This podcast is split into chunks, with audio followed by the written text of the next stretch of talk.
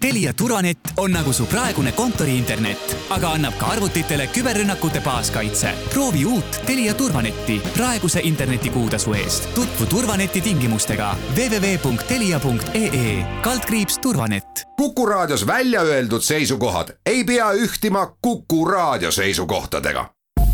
Te kuulate Kuku raadiot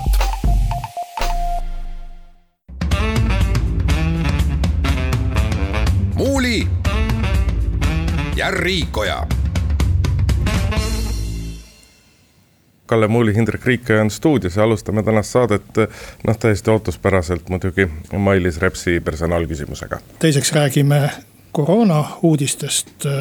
valitsus pikendas siis öist alkoholimüügi keeldu ja hakkas siis kehtima ka maskide soovitus või suunis, kuidas see pidi siis olema. Et arutame veidi selle üle räägime kindlasti ka sellest, kuidas on mõistlik praeguses olukorras haiguspäevi hüvitada. sotsidelt on riigikogus sees üks eelnõu, valitsus otsustas toetada kord ka nii-öelda oma ajutist varianti, eks paistab, kumb peale jääb.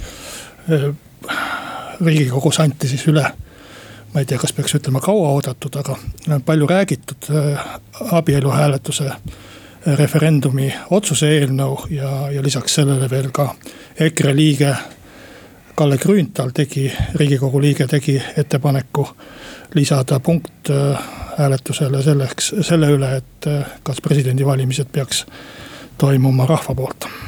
Ja saate lõpetuseks, väga ammu ei ole reitingutest räägi, rääkinud, räägime siis ka erakondade toetusreitingutest, eelkõige Eesti kahesaja positsioonist selles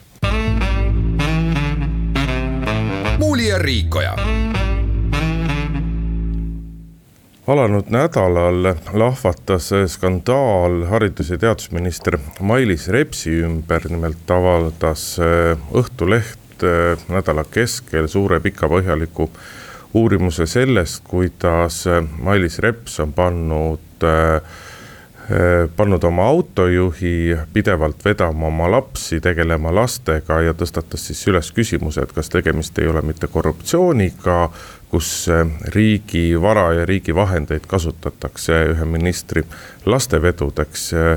ja siin järgnevatel päevadel on veel kirjutatud hulk lugusid Mailis Repsi erinevatest nõunikest, sellest, kui palju Nemad tegelevad ministeeriumis ministri nõustamisega ja kui palju siis äh, nii-öelda piltlikult öeldes täidavad lapsehoidja, lapsehoidja kohustusi.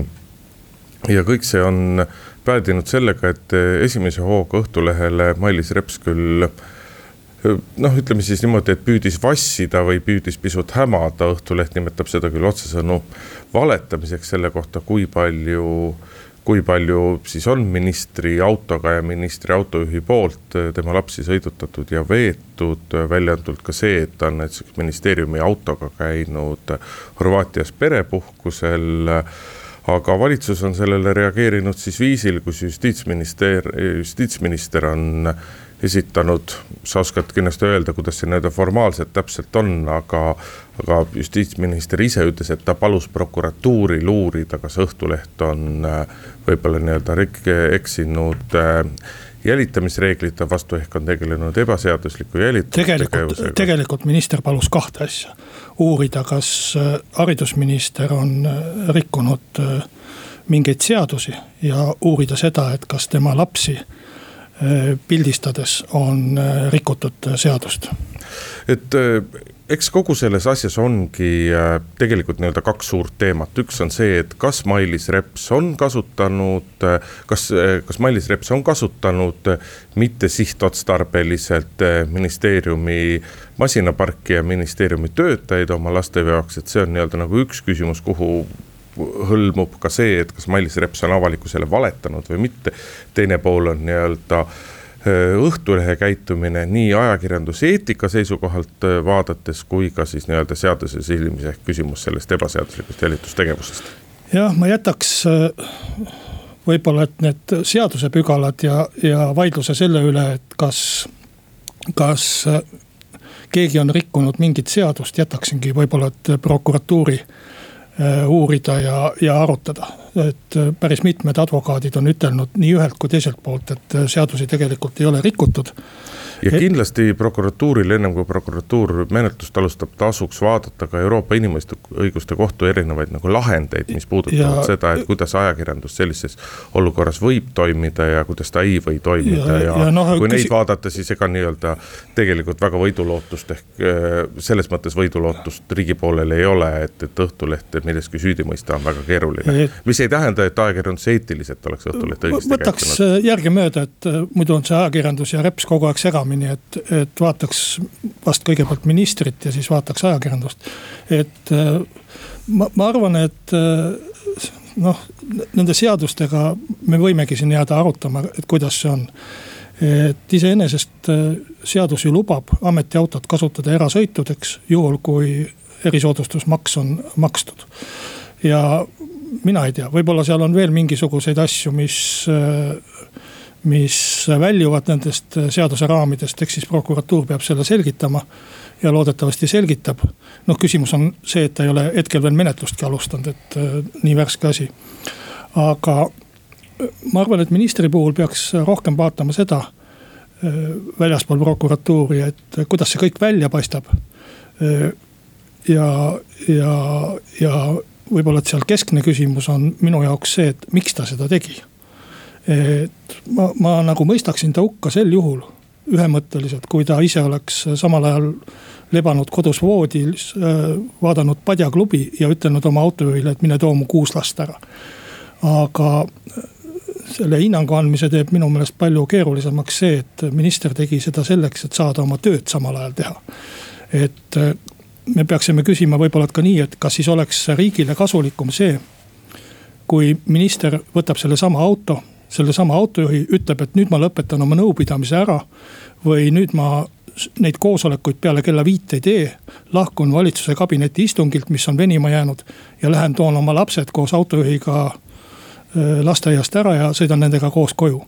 et kas see oleks siis riigi vaatevinklist nagu kasulikum tegu. et äh, see, see on minu meelest selle hinnangu selline alus, aluspunkt. et äh, ma arvan, et, et, et Mailis Reps tegi seda kindlasti sellepärast, et tööd teha. et kui tahad suuresõnaliselt, siis selleks, et paremini riiki teenida või, või hariduselu korraldada või mis iganes. see, et ta võib-olla, et väga hoogsalt jättis oma lapsed samal ajal autojuhi hoolde, et see kindlasti vaevalt teda ennast rõõmustas ja, ja vaevalt, et kedagi teist rõõmustab ja ma arvan, et see näeb ka inetu välja. Ja see asi tuleks lihtsalt ära korraldada kuidagi nii, et ka kuuelapselisel emal oleks võimalik ministritööd teha. Nojah, see kuldne küsimus on selles, et kes peab selle korraldamise ära tegema, kas selle korraldamise peab tegema tööandja või see, ehk siis antud juhul nii-öelda riik ehk ministeerium või siis peab inimene ise seisma hea selle eest, et palkama lapsejuhi, autojuhi kuidas iganes seda nimetada, et, et, et saaks õigesti aru, et, et, et ilmselgelt ei ole mitte mingit probleemi selles, kui minister, peaminister, president või, või, mõni kõrge riigiametnik. kui ta sõidab hommikul tööle, võtab lapsed kaasa, viib need kelle kooli, kelle lasteaeda nii-öelda töölemineku käigus ja õhtul teeb teist, vastupidi, et see, see on täiesti normaalne ja, ja oleks rumal selle vastu vaielda. Mailis Repsi puhul see koht, kus see nii-öelda skandaal üles kerkis, on just nimelt see, et, et seal on et seal on ka sellised nii-öelda päevased ajad, sõidud on, on tõesti olukorrad, kus on läinud nii-öelda ministeeriumi auto, ministeeriumi autojuhiga ilma Mailis Repsita on läinud järgi, et see on, see on see koht, kus on küsimus ja see on tõepoolest tõenäoliselt asi, mis on natukene nii-öelda üle võlli.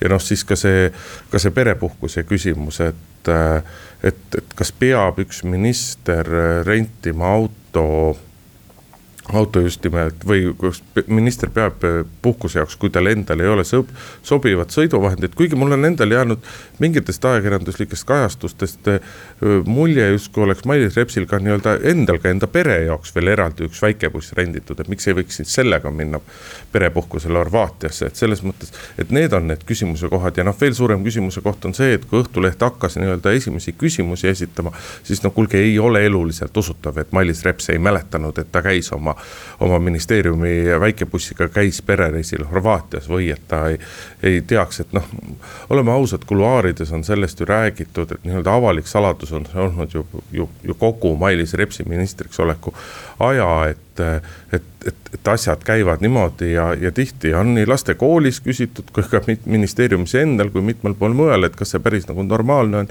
ja kas see asi nagu päris niimoodi käima peaks, et no, selles mõttes. Äh, Indrek, mitte avalik saladus, vaid äh, tegelikult Õhtuleht kirjutas kahe tuhande seitsmeteistkümnendal aastal äh, artikli pealkirja all Mailis Reps veab ministeeriumi autoga oma lapsi, aga tookord millegipärast äh, ma ei tea, kas äh, valitsuskoalitsiooni koosseis oli, oli kellelegi meeldivam või, või mis see põhjus oli.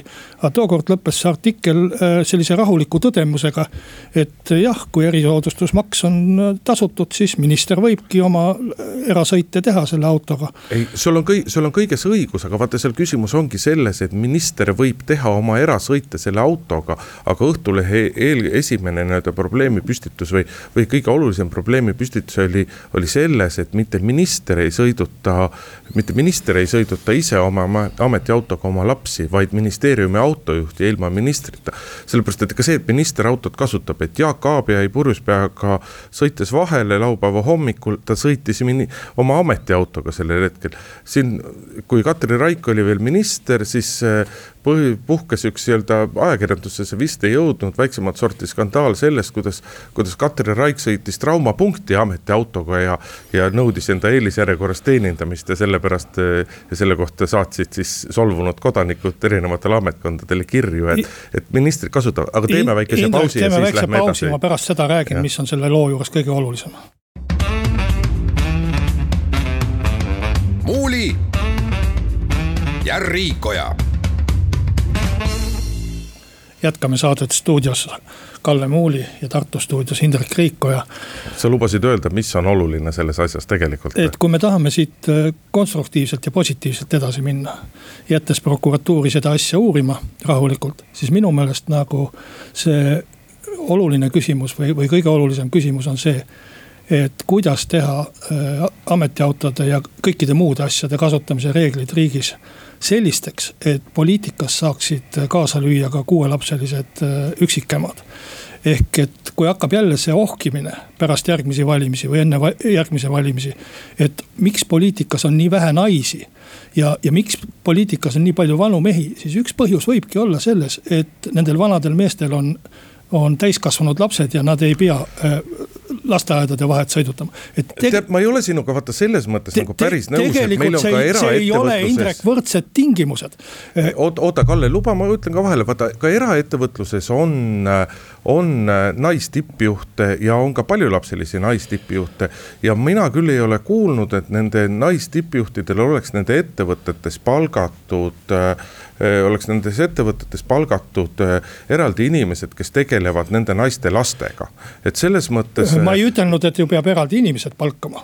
aga see on Mailis Repsi, selle skandaali põhjus on selles, et mitte Mailis Reps ei vii, ei vea ise ministeeriumi autoga oma lapsi. vaid see, et ta on pannud autojuhid, äh, autojuhi sellega tegelema või autojuhid sellega tegelema ja et. aga ma ju, Indrek, Indrek, ma katkestan sind, aga ma ju ei ütelnud ka seda, et Mailis Repsil see kõik maru hästi välja kukkus ei, kindlasti mitte. et äh, minu meelest tuleb see äh, võib-olla, et Mailise üks põhilisi vigu ongi see, et ta ei ole seda teemat kergitanud ja ei ole püüdnud seda äh, ära lahendada nii, et see oleks lahendatud kõikide tulevaste üksikemade jaoks ka.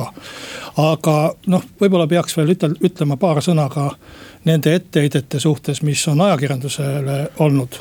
oota, ma ennem seda korra ütlen, et väga hea seisukoht oli, oli, oli Liisa Pakostal võõrdõigus võrdõiguslikkus voli, võrdõiguslikkuse volinik, ma nüüd ei ütelnud seda nime päris õigesti, kus ta viitas sellele, et. et nii mehed kui naised peavad olema võrdsed ja selles mõttes, et, et selles mõttes Mailis Repsi tuleb mõista ja. ja need jutud sellest, et kuidas, et noh, et kui sul on kuus last, siis sa ei saagi ministritööd teha. et see pole loomulikult nagu jutt ega asi, aga see kõik peab, see peab olema aus, see peab näima aus ja, ja minister peab ise ka olema aus, mitte kokku kui üritame nagu kalastada, et mida nüüd üritada aimata, mida ajakirjandus teab ja siis sellest tulenevalt vastata. jah, aga kui äh, inimene juhib äh, asutust, mille eelarve on üle miljardi siis ma arvan, et eraettevõtluses korraldatakse kõik ära, kui tahetakse endale sellist tippjuhti saada, aga. aga jäi siin lause pooleli ajakirjanduse poolelt, et äh, tegelikult on Õhtuleht teinud väga tublit tööd ja ainus halb asi, mis neil juhtus või, või mis nad on teinud, on minu meelest see, et nad on Mailis Repsi lapsed piltide peale võtnud ja see tekitab noh esiteks ajakirjaniku eetikakoodeksiga küsimuse. sest eetikakoodeks ütleb väga selgelt, et lastest tohib ülesvõtteid teha ainult lapsevanema juuresolekul või nõusolekul ja paar erandit on seal lubatud ja no need erandid ei mahu kuidagi siia alla. ja ütelda nüüd, et me ei saanud neid autosid pildistada seal koolide või kodude juures ilma lasteta. see on noh, see ei ole aus et, et küllap need autod seal seisid ka nii, et äh, lapsi ei olnud. aga, aga äh, ma ei oska kommenteerida seda, et kas see nüüd läheb ka eraviisilise jälitustegevuse alla või mitte. et äh, seda ilmselt peaks jälle prokuratuurile usaldama. Ma natuke olen sinuga nõus, natukene ei ole sinuga nõus, see, et see, et, et, et Õhtulehe ajakirjanikud käisid mingisugusel ajal, perioodil järjekindlalt seda jälgimas ja tegid sellest ka pilte. see on täiesti normaalne, see ei ole laiduvärst, et kuidas sa, kuidas teisiti ajakirjandusväljaanne peaks siis nii-öelda tõestama seda, et võimalikud rikkumised on nagu. no sul ei olnud vaja vähemalt neid lehte panna, sest ega keegi. just nimelt, vot selleni ma tahtsingi jõuda, et see, et, et kõik need videod ja et need pildid sellises mahus, et ei piirdutud lihtsalt ühe pildiga, vaid nad sellises mahus äh, avaldati. sellega nagu natukene Õhtuleht andis nagu mõista justkui, et ta ei usuks enda, et ta ei usu piisavalt enda tõsiseltvõetavusse. et kui lihtsalt Õhtuleht kirjutaks artikli ja ütleks, et meil on olemas tõestus, meil on olemas pildid, meil on olemas videod, aga eetilistel kaalutlustel me ei avalda neid. aga, aga see kõik on olemas, et Õhtulehel justkui nagu oleks tunne, et kui nad nii ütleksid, siis neid ei usutaks. et kindlasti ei oleks pidanud, kindlasti mitte sellises mahus või kas üldse avaldama neid pilte, neid videosid. ja noh, teiselt poolelt ma, ma kardan natukene, et Õhtuleht lasi selles mõttes endale, endale jalga, et nagu minule ütles eile üks, üks inimene, naisterahvas, kellel on, kellel on ka väga palju lapsi ja isegi sama palju kui Mailis Repsil, nagu Kuus ütles, et, et miks läks Õhtuleht praegusel hetkel selle kõige nõrgema kallale seal valitsuses. E, sellise nagu, sellise teemaga, et inimene pingutab, inimene näeb vaeva, inimene teeb riigi heaks tööd. ja nüüd võetakse tema nagu pihtide vahele, samal ajal kui meil on ju valitsuse juures mitmeid teisi probleeme, et miks ei tegeleta nendega. et ma ei ole sugugi kindel, et avalikkus e, mõistab seda probleemi samasugusena nagu, nagu Õhtuleht. aga noh, eks selle kohta annab e, aeg arutada arutust, meie teeme siinkohal pausi, kuulame ära pooltunni uudised ja siis läheme saatega edasi. muuli ja Riikoja. Tere tulemast tagasi, head kuulajad, Muuli ja Riikoja läheb edasi, Kalle Muuli Tallinna stuudios, Indrek Riiko ja Tartu, Tartu stuudiost ja räägime pisut äh, koroonast, sest et järjekordsed rekordinumbrid on sündinud eile. Äh, eile siis, äh, õigupoolest see käib küll üleeilse kohta, aga kahekümne nelja tunni jooksul diagnoositi nelisada neliteist uut koroonajuhtumit.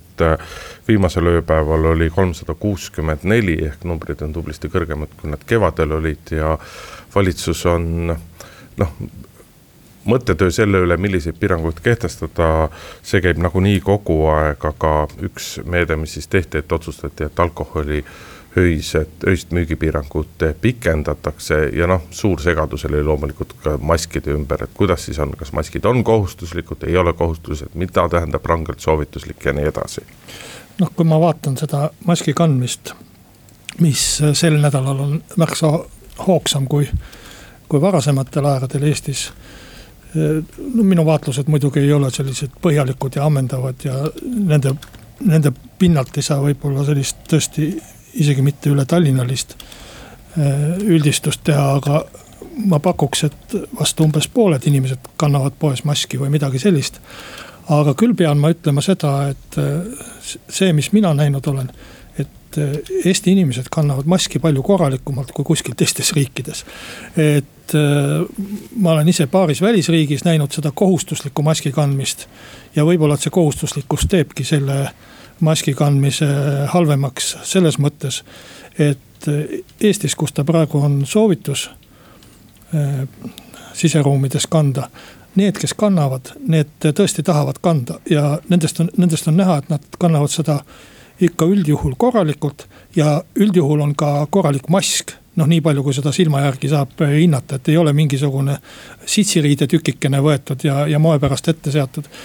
et, et selles mõttes, kui, kui sellest, et pooled inimesed kannavad, kasu oleks siis ma arvan, et oleme väga hästi toime tulnud, sest tõesti minu meelest see, kui sa kannad korralikult ühte korralikku maski, on ikkagi palju parem kui see, kui sa kohustuse korras ühekordset maski terve kuu aega järjest taskus kannad ja siis jälle näo ees või.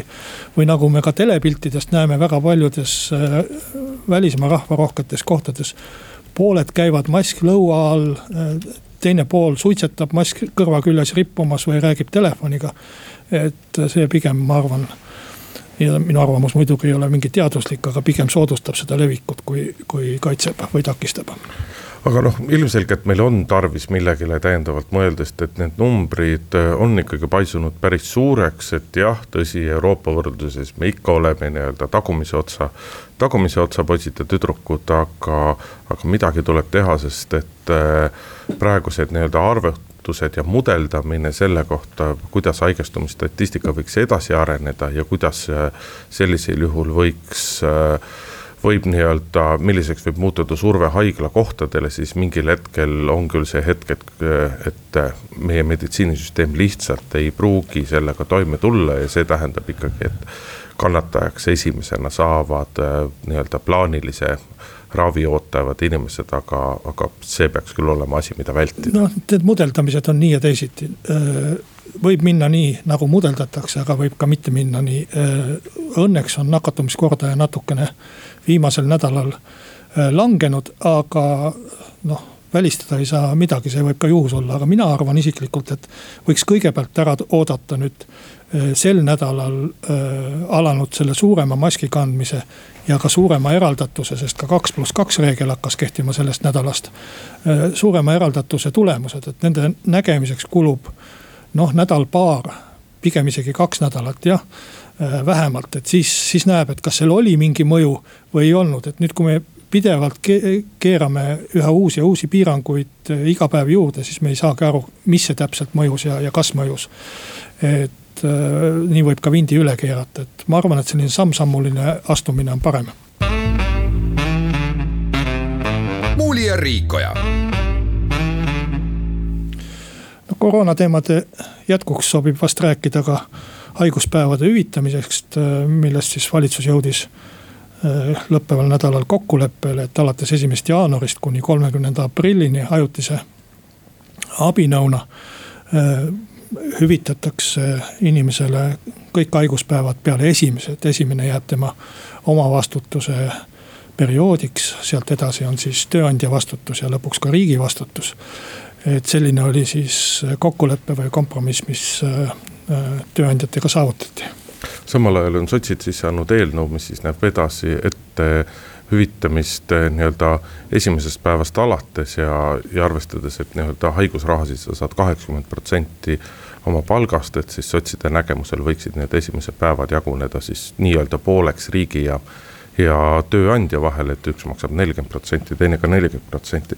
no kui me vaatame seda olukorda, neid, neid samu numbreid, millest me rääkisime siin eelmises saate osas, siis äh, riigi jaoks see hind, äh, et alustada haigushüvitise maksmisest äh, esimesest päevast alates, et me räägime nii-öelda üksikutest miljonitest eurodest, mis nagu riigi seisukohalt ei ole mingisugune märkimisväärne summa. aga ma arvaks, et selle liigutusega on siiski võimalik hoida ära midagi võib-olla palju nii-öelda nagu hullemat, sellepärast et see on noh saage aru, eks ole, me teame kõik, mis meie keskmine palk on, me teame seda, et, et, et, et et enamus inimesi, suurem osa inimesi saab äh, tegelikult ju palka, mis jääb keskmisest palgast allapoole. ehk äh, nende jaoks on ka see ühe päeva raha väga oluline raha ja paljud inimesed paljud inimesed lähevad nii-öelda riski peale välja, aga riigi huvi võiks olla, et seda riski ei teki, et selles mõttes no, Indrek, praegusel hetkel ajutiselt võiks see asi kehtida juba esimesest Indrek, päevast. eks ka kõrgepalgalistel ole äh, ühe päeva raha, suur raha täpselt samasugune protsentuaalselt nagu teistel, aga no,. protsentuaalselt küll, aga nende nii-öelda igapäevases toimetulekus see ühe päeva raha. ma, ma arvan, et siin peaks natuke seletama, et asi ei ole riigi kuludes ainult äh, miks see äh, omavastutus seal algul üldse ongi, kui sa kindlustad auto siis äh, sulle ei maksta ka äh, no kaskokindlustuse või õnnetusjuhtumi puhul välja kogu summat, vaid väike summa, noh auto puhul siiski märkimisväärne summa, kakssada, kolmsada eurot on seal ees. selline summa, mis sa pead ise maksma ja selle mõte on see, et sa oleksid ka ise hästi hoolikas, et sa ei, ei käituks oma autoga põhimõttel, et noh, mis seal ikka on. teen avarii, kraapsan ta kuskile vastu posti ära ja kindlustus maksab kõik välja, kuna mul on kindlustatud. Kalle, sul on õigus, aga see kõik sam, kehtib sama... tavaolukorras, praegu on eriline olukord ja selles mõttes ega ka see valitsuse praegune lahend. see on ajutine lahend, mis kestab järgmise aasta kevadini ainult, mitte see ei ole alaline. ja selle mõte on ka see ikkagi, et panna inimestele ka öö, väike mure südamele. et ma oleksin oma tervise pärast hooles, et ma ei, ei nakatuks väga kergesti, et ma ei lähe sellistesse kohtadesse, kust ma haiguse saan, sest ma võin kaotada ühe päeva palga. jutt ei käi ju ainult koroonahaigusest, et ükskõik millise haiguse puhul kehtib see, et ka külmetushaigusest, gripist, millest iganes. et küsimus ongi selles, et tegelikult Eestis see omavastutus mõjub natuke vastupidiselt, selle asemel, et oma tervist hoida, inimesed lähevad haigest peast tööle, et mitte kaotada seda ühe päeva palka see on kõik ilus jutt, aga praegu on eriline olukord ja seetõttu peaks neid asju tuleb vaadata teistmoodi, aga teeme siinkohal väikese pausi. muuli ja Riikoja. Läheme saatega edasi, Kalle Muuli, Hindrek Riikoja on stuudios äh, abielureferendumit puudutav eelnõu on Riigikogule üle antud ja EKRE saadiku Kalle Grünthali poolt on siis tulnud ettepanek liita veel sinna referendumisse ka küsimus, kas meil peaks presidendi otsevalimist, otsevalimist nii-öelda kaaluma, kehtestada, korraldama. et see samm jääb selles mõttes pisut nagu arusaamatuks, et valitsuse tasandil oli ju sisuline kokkulepe olemas, et. et referendumil küsitakse ühte asja, et ka Keskerakonna saadikud on siin välja pakkunud, et võiks veel küsimusi küsida. aga see teema justkui sai nagu laualt maha, et et, et mis jah, EKRE sellise sammu mõte oli, see jäi pisut arusaamatuks. aga see ei ole ju EKRE samm, et see ongi naljakas, et tõesti. Äh, sa tahad öelda, et EKRE saadik tegi sellise ettepaneku ilma, et oleks seda oma fraktsiooniga kooskõlastanud. no selles erakonnas ei käi ju asjad niimoodi see on väga naljakas, et, et isegi nii kauaaegsed ja kogenud ajakirjanikud nagu sina ei usu seda, et saadik ongi vaba tema, ta on, tema mandaat ongi vaba. osad ja, saadikud on vabad, mitte kõik. Äh, absoluutselt kõik saadikud. sa oled saadikud. seda ju riigikogu liikmena näinud väga hästi. et on väga selgelt olemas erakonnad, kus, kus on vabadust rohkem, kus on vähem ja, ja on, on erakonnad, kus seda vabadust ei, aga reaalselt ka, no millega, millega Kalle Grünthali käsi siis nüüd seotakse et äh, saadik ei ole selline inimene, kes peaks käima luba küsimas kellegi käest äh, millegi tegemiseks. on äh, viisakas kooskõlastada oma fraktsiooniga, on viisakas oma fraktsiooniga läbi arutada, sellepärast et sul on nende toetust vaja, sa ei ole ju riigikogus üksi ja kui sa oleksid üksi, noh kui sa üksi. see on nii, see on nii armas, et sa Kalle niimoodi koalitsioonipartnerit lahkesti kaitsed. aga kui sul on teistsuguseid andmeid, siis ütle, mis andmed sul selle kohta on, et Kalle Grünthal kooskõlastas selle EKRE-ga mina väidan no., et see oli Kalle Grünthali, on Kalle Grünthali isiklik soolo. ja kui sul on mingid muud faktid või andmed, siis ütle need minule on, on EKRE fraktsiooni saadikud on öelnud, et sellest oli juttu, et selline ettepanek tehakse. jah, loomulikult ta kindlasti informeerib ja, ja sellest on ka meil juttu, me teame ka seda. aga ma arvan küll, et see ei ole kindlasti EKRE fraktsiooni ettepanek ja EKRE-ga kooskõlastatud ettepanek. ja sellepärast ma arvan ka, et see ettepanek jääbki ettepanekuks ja ei jõua sealt komisjonist kuhugi edasi, et see ongi Kalle Grünthali isiklik soolo. aga on suhteliselt või noh, mis suhteliselt on, on üksjagu tõenäosust, et, et presidendi otsevalimise teema tõstatub taaskord, tõstatub taaskord ülesse, sellepärast et on ju väga selgelt Keskerakond toetanud seda, et president võiks, tuleks otse valida, EKRE on on väljendanud oma suurt poolehoidu sellisele valimismeetodile.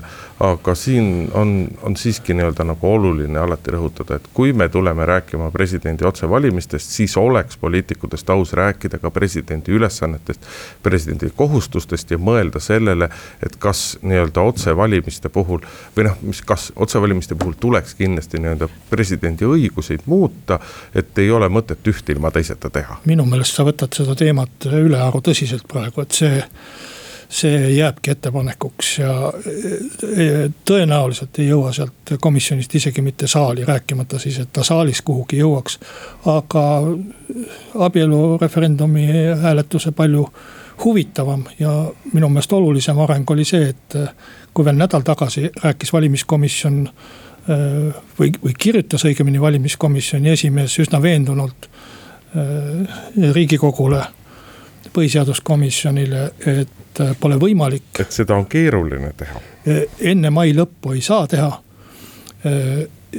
rääkimata kahekümne viiendast aprillist, siis nüüd tegelikult selgub, et saab isegi nädal varem teha, kaheksateistkümnendal aprillil ja ei ole üldse ei ole üldse hullu midagi, ei pea mai lõpuni ütlema, et tegelikult äh, see on muidugi õige, et äh, see, millal meil toimuvad hääletused või referendumid, et seda ütleb ikkagi riigikogu ja, ja, ja riigikogu liikmed. Muuli ja Riikoja. Saate lõpetuseks räägime erakondade reitingutest, väga ammu ei ole me sellest juttu teinud aga põhjus selleks on olnud, et siin on nagu järjest tulnud nii Nordstatilt, Kantar Emorilt, kuid, kui ka turu-uuringutelt on tulnud välja nii-öelda erinevad reitingud ja, ja, ja selle põhjal on paljud inimesed, kuidagi paljude inimeste retoorika on muutunud selliseks, et et äh, ilmselgelt nii-öelda toetusnumbrite järgi kõige suurem ja kõige kiirem tõusja on, on Eesti kakssada, et, et seda justkui on hakatud mõnel pool käsitlema juba kui vaata, et nii-öelda nagu koalitsiooniparteid. kui mitte praegu, siis kohe kindlasti kohe pärast järgmiseid valimisi, aga see mõjub selles mõttes pisut nagu pentsikult, et, et tuletame nüüd meelde viimaste riigikogu valimiste eelse seisu, et, et oli ju aegu, kus Eesti kahesaja toetus oli, toetus oli üle kümne protsendi isegi siis, kui temast veel ametlikult erakondagi ei olnud saanud.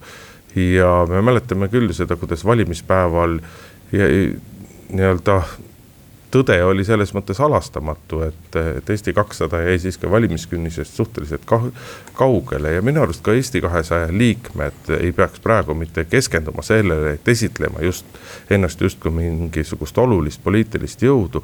vaid nad peaksid keskenduma sellele, selle organisatsiooni ülesehitamisele, nad peaksid keskenduma sellele, et saada oma ridadesse nii-öelda arukaid avalikult tuntud inimesi, sest et muidu seisavad nad eh, nii kohalike omavalitsuste valimistel kui järgmistel riigikogu valimistel taas selle silmitsi olukorraga, kus justkui nii-öelda uuringute järgi nende toetus on suur, aga siis, kui läheb inimene valimiskasti juurde, siis ei ole ta nendest kandidaatidest mitte midagi kuulnud.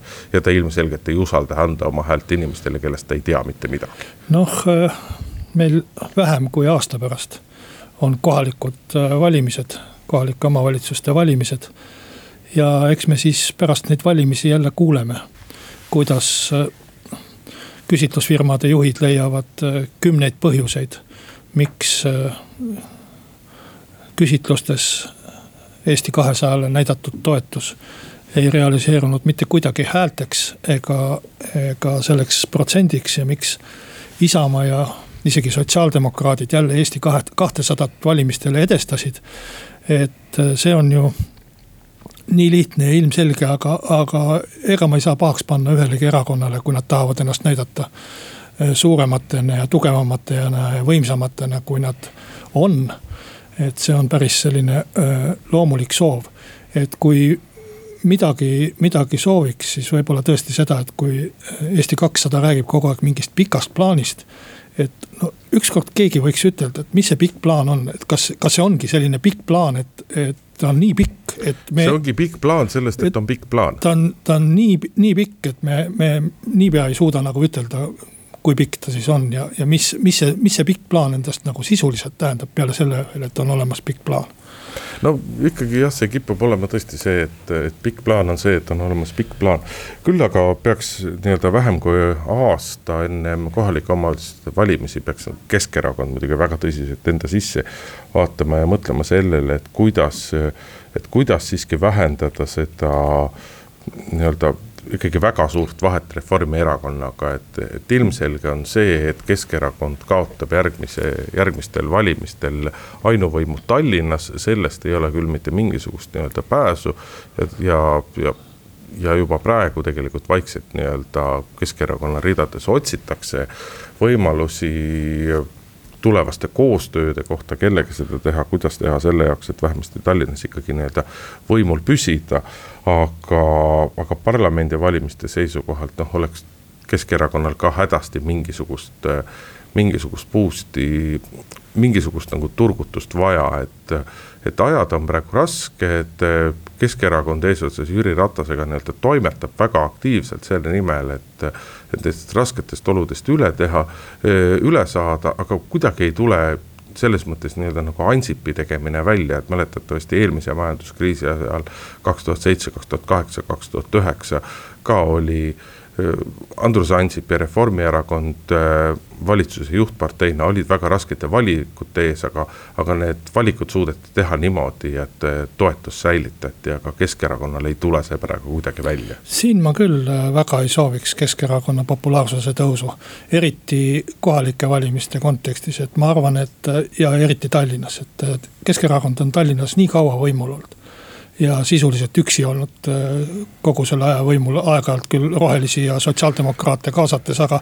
Äh, ma hakkan segan vahele, ega mina ka seda tingimata ei et, soovi, aga lihtsalt, kui sa nagu poliittehnoloogiliselt vaatad, siis see on koht, kus Keskerakond peab mõtlema. et ma arvan, et tegelikult oleks hea, kui Tallinnas võim vahelduks ja, ja demokraatia üks selliseid osiseid ja, ja, ja asju, mis peab toimima, on võimu äh, regulaarne vahetumine. mis ei tähenda, et peaks iga aasta vahetuma, aga, aga valimiste või paari tagant võiks, võiks äh, võim vahetuda ja ma arvan, et see oleks Tallinnale kui linnale ja linnaelanikele kindlasti hea, kui siin ka regulaarselt võim vahetuks, mitte ei ole niiviisi, et äh, Keskerakond nüüd ja igavesti seda kaheldamatult, nii nagu oli hea, et, et Reformierakond mõneks ajaks eh, nii-öelda võimult kõrvale. ikka kauaks sama... ajaks, kauaks ajaks, Indrek, mitte mõneks ajaks. noh, me ei oska seda ju öelda, kui, kui kaua see nagu aeg kestab, et eh, on ju inimesi, kes, kes ootasid, et. et praegune valitsuskoalitsioon kukub juba sellel sügisel ja Reform ja Keskerakond hakkavad valitsust tegema, on inimesi, kes usuvad, et see juhtub pärast kohalike omavalitsuste valimisi. on inimesi, kes usuvad, et see juhtub pärast järgmiseid riigikogu valimisi, no ütleme, et see tõenäosus on üp, üpriski suur, et tõepoolest pärast järgmisi parlamendivalimisi Reformierakond taas nii-öelda, kas nüüd koalitsiooni juhtparteiks saab, aga koalitsiooni pääseb, me ei, me ei tea seda. Et sina võid ju Isamaa liitlasena muidugi loota seda, aga noh no, teile on ju sobinud koostöö sisuliselt kõigi Eesti erakondadega, et no, teil ju väga vahet ei peaks olema. see ongi Eesti demokraatia mudel, et erakonnad peavad valitsuse moodustamiseks koostööd tegema. ja Eesti demokraatia mudelisse ei ole kuskile kirjutatud, et mõni erakond tuleks riigikogus välistada. ja, ja mõne erakonnaga ei tohiks üldse koostööd teha, et selles mõttes Äh, sõltub lepingust ja, ja lepingu tingimustes, et kui need äh, toetavad meie eesmärke, siis äh, loomulikult. ja, ja selleks ju need erakonnad ongi sinna riigikogusse valitud, et kas, kas mõnda valitakse siis selle jaoks, et nad iial võimule ei saaks või. või, või kuidas sa nagu seda ette kujutad? aga tõmbame siinkohal tänase saate otsad kokku, Kalle Muuli oli Tallinnas, Indrek Riikoja oli Tartus. kuuleme jälle nädala aja pärast, seniks kena nädalavahetust ja püsigem negatiivsed Muuli ja Riikoja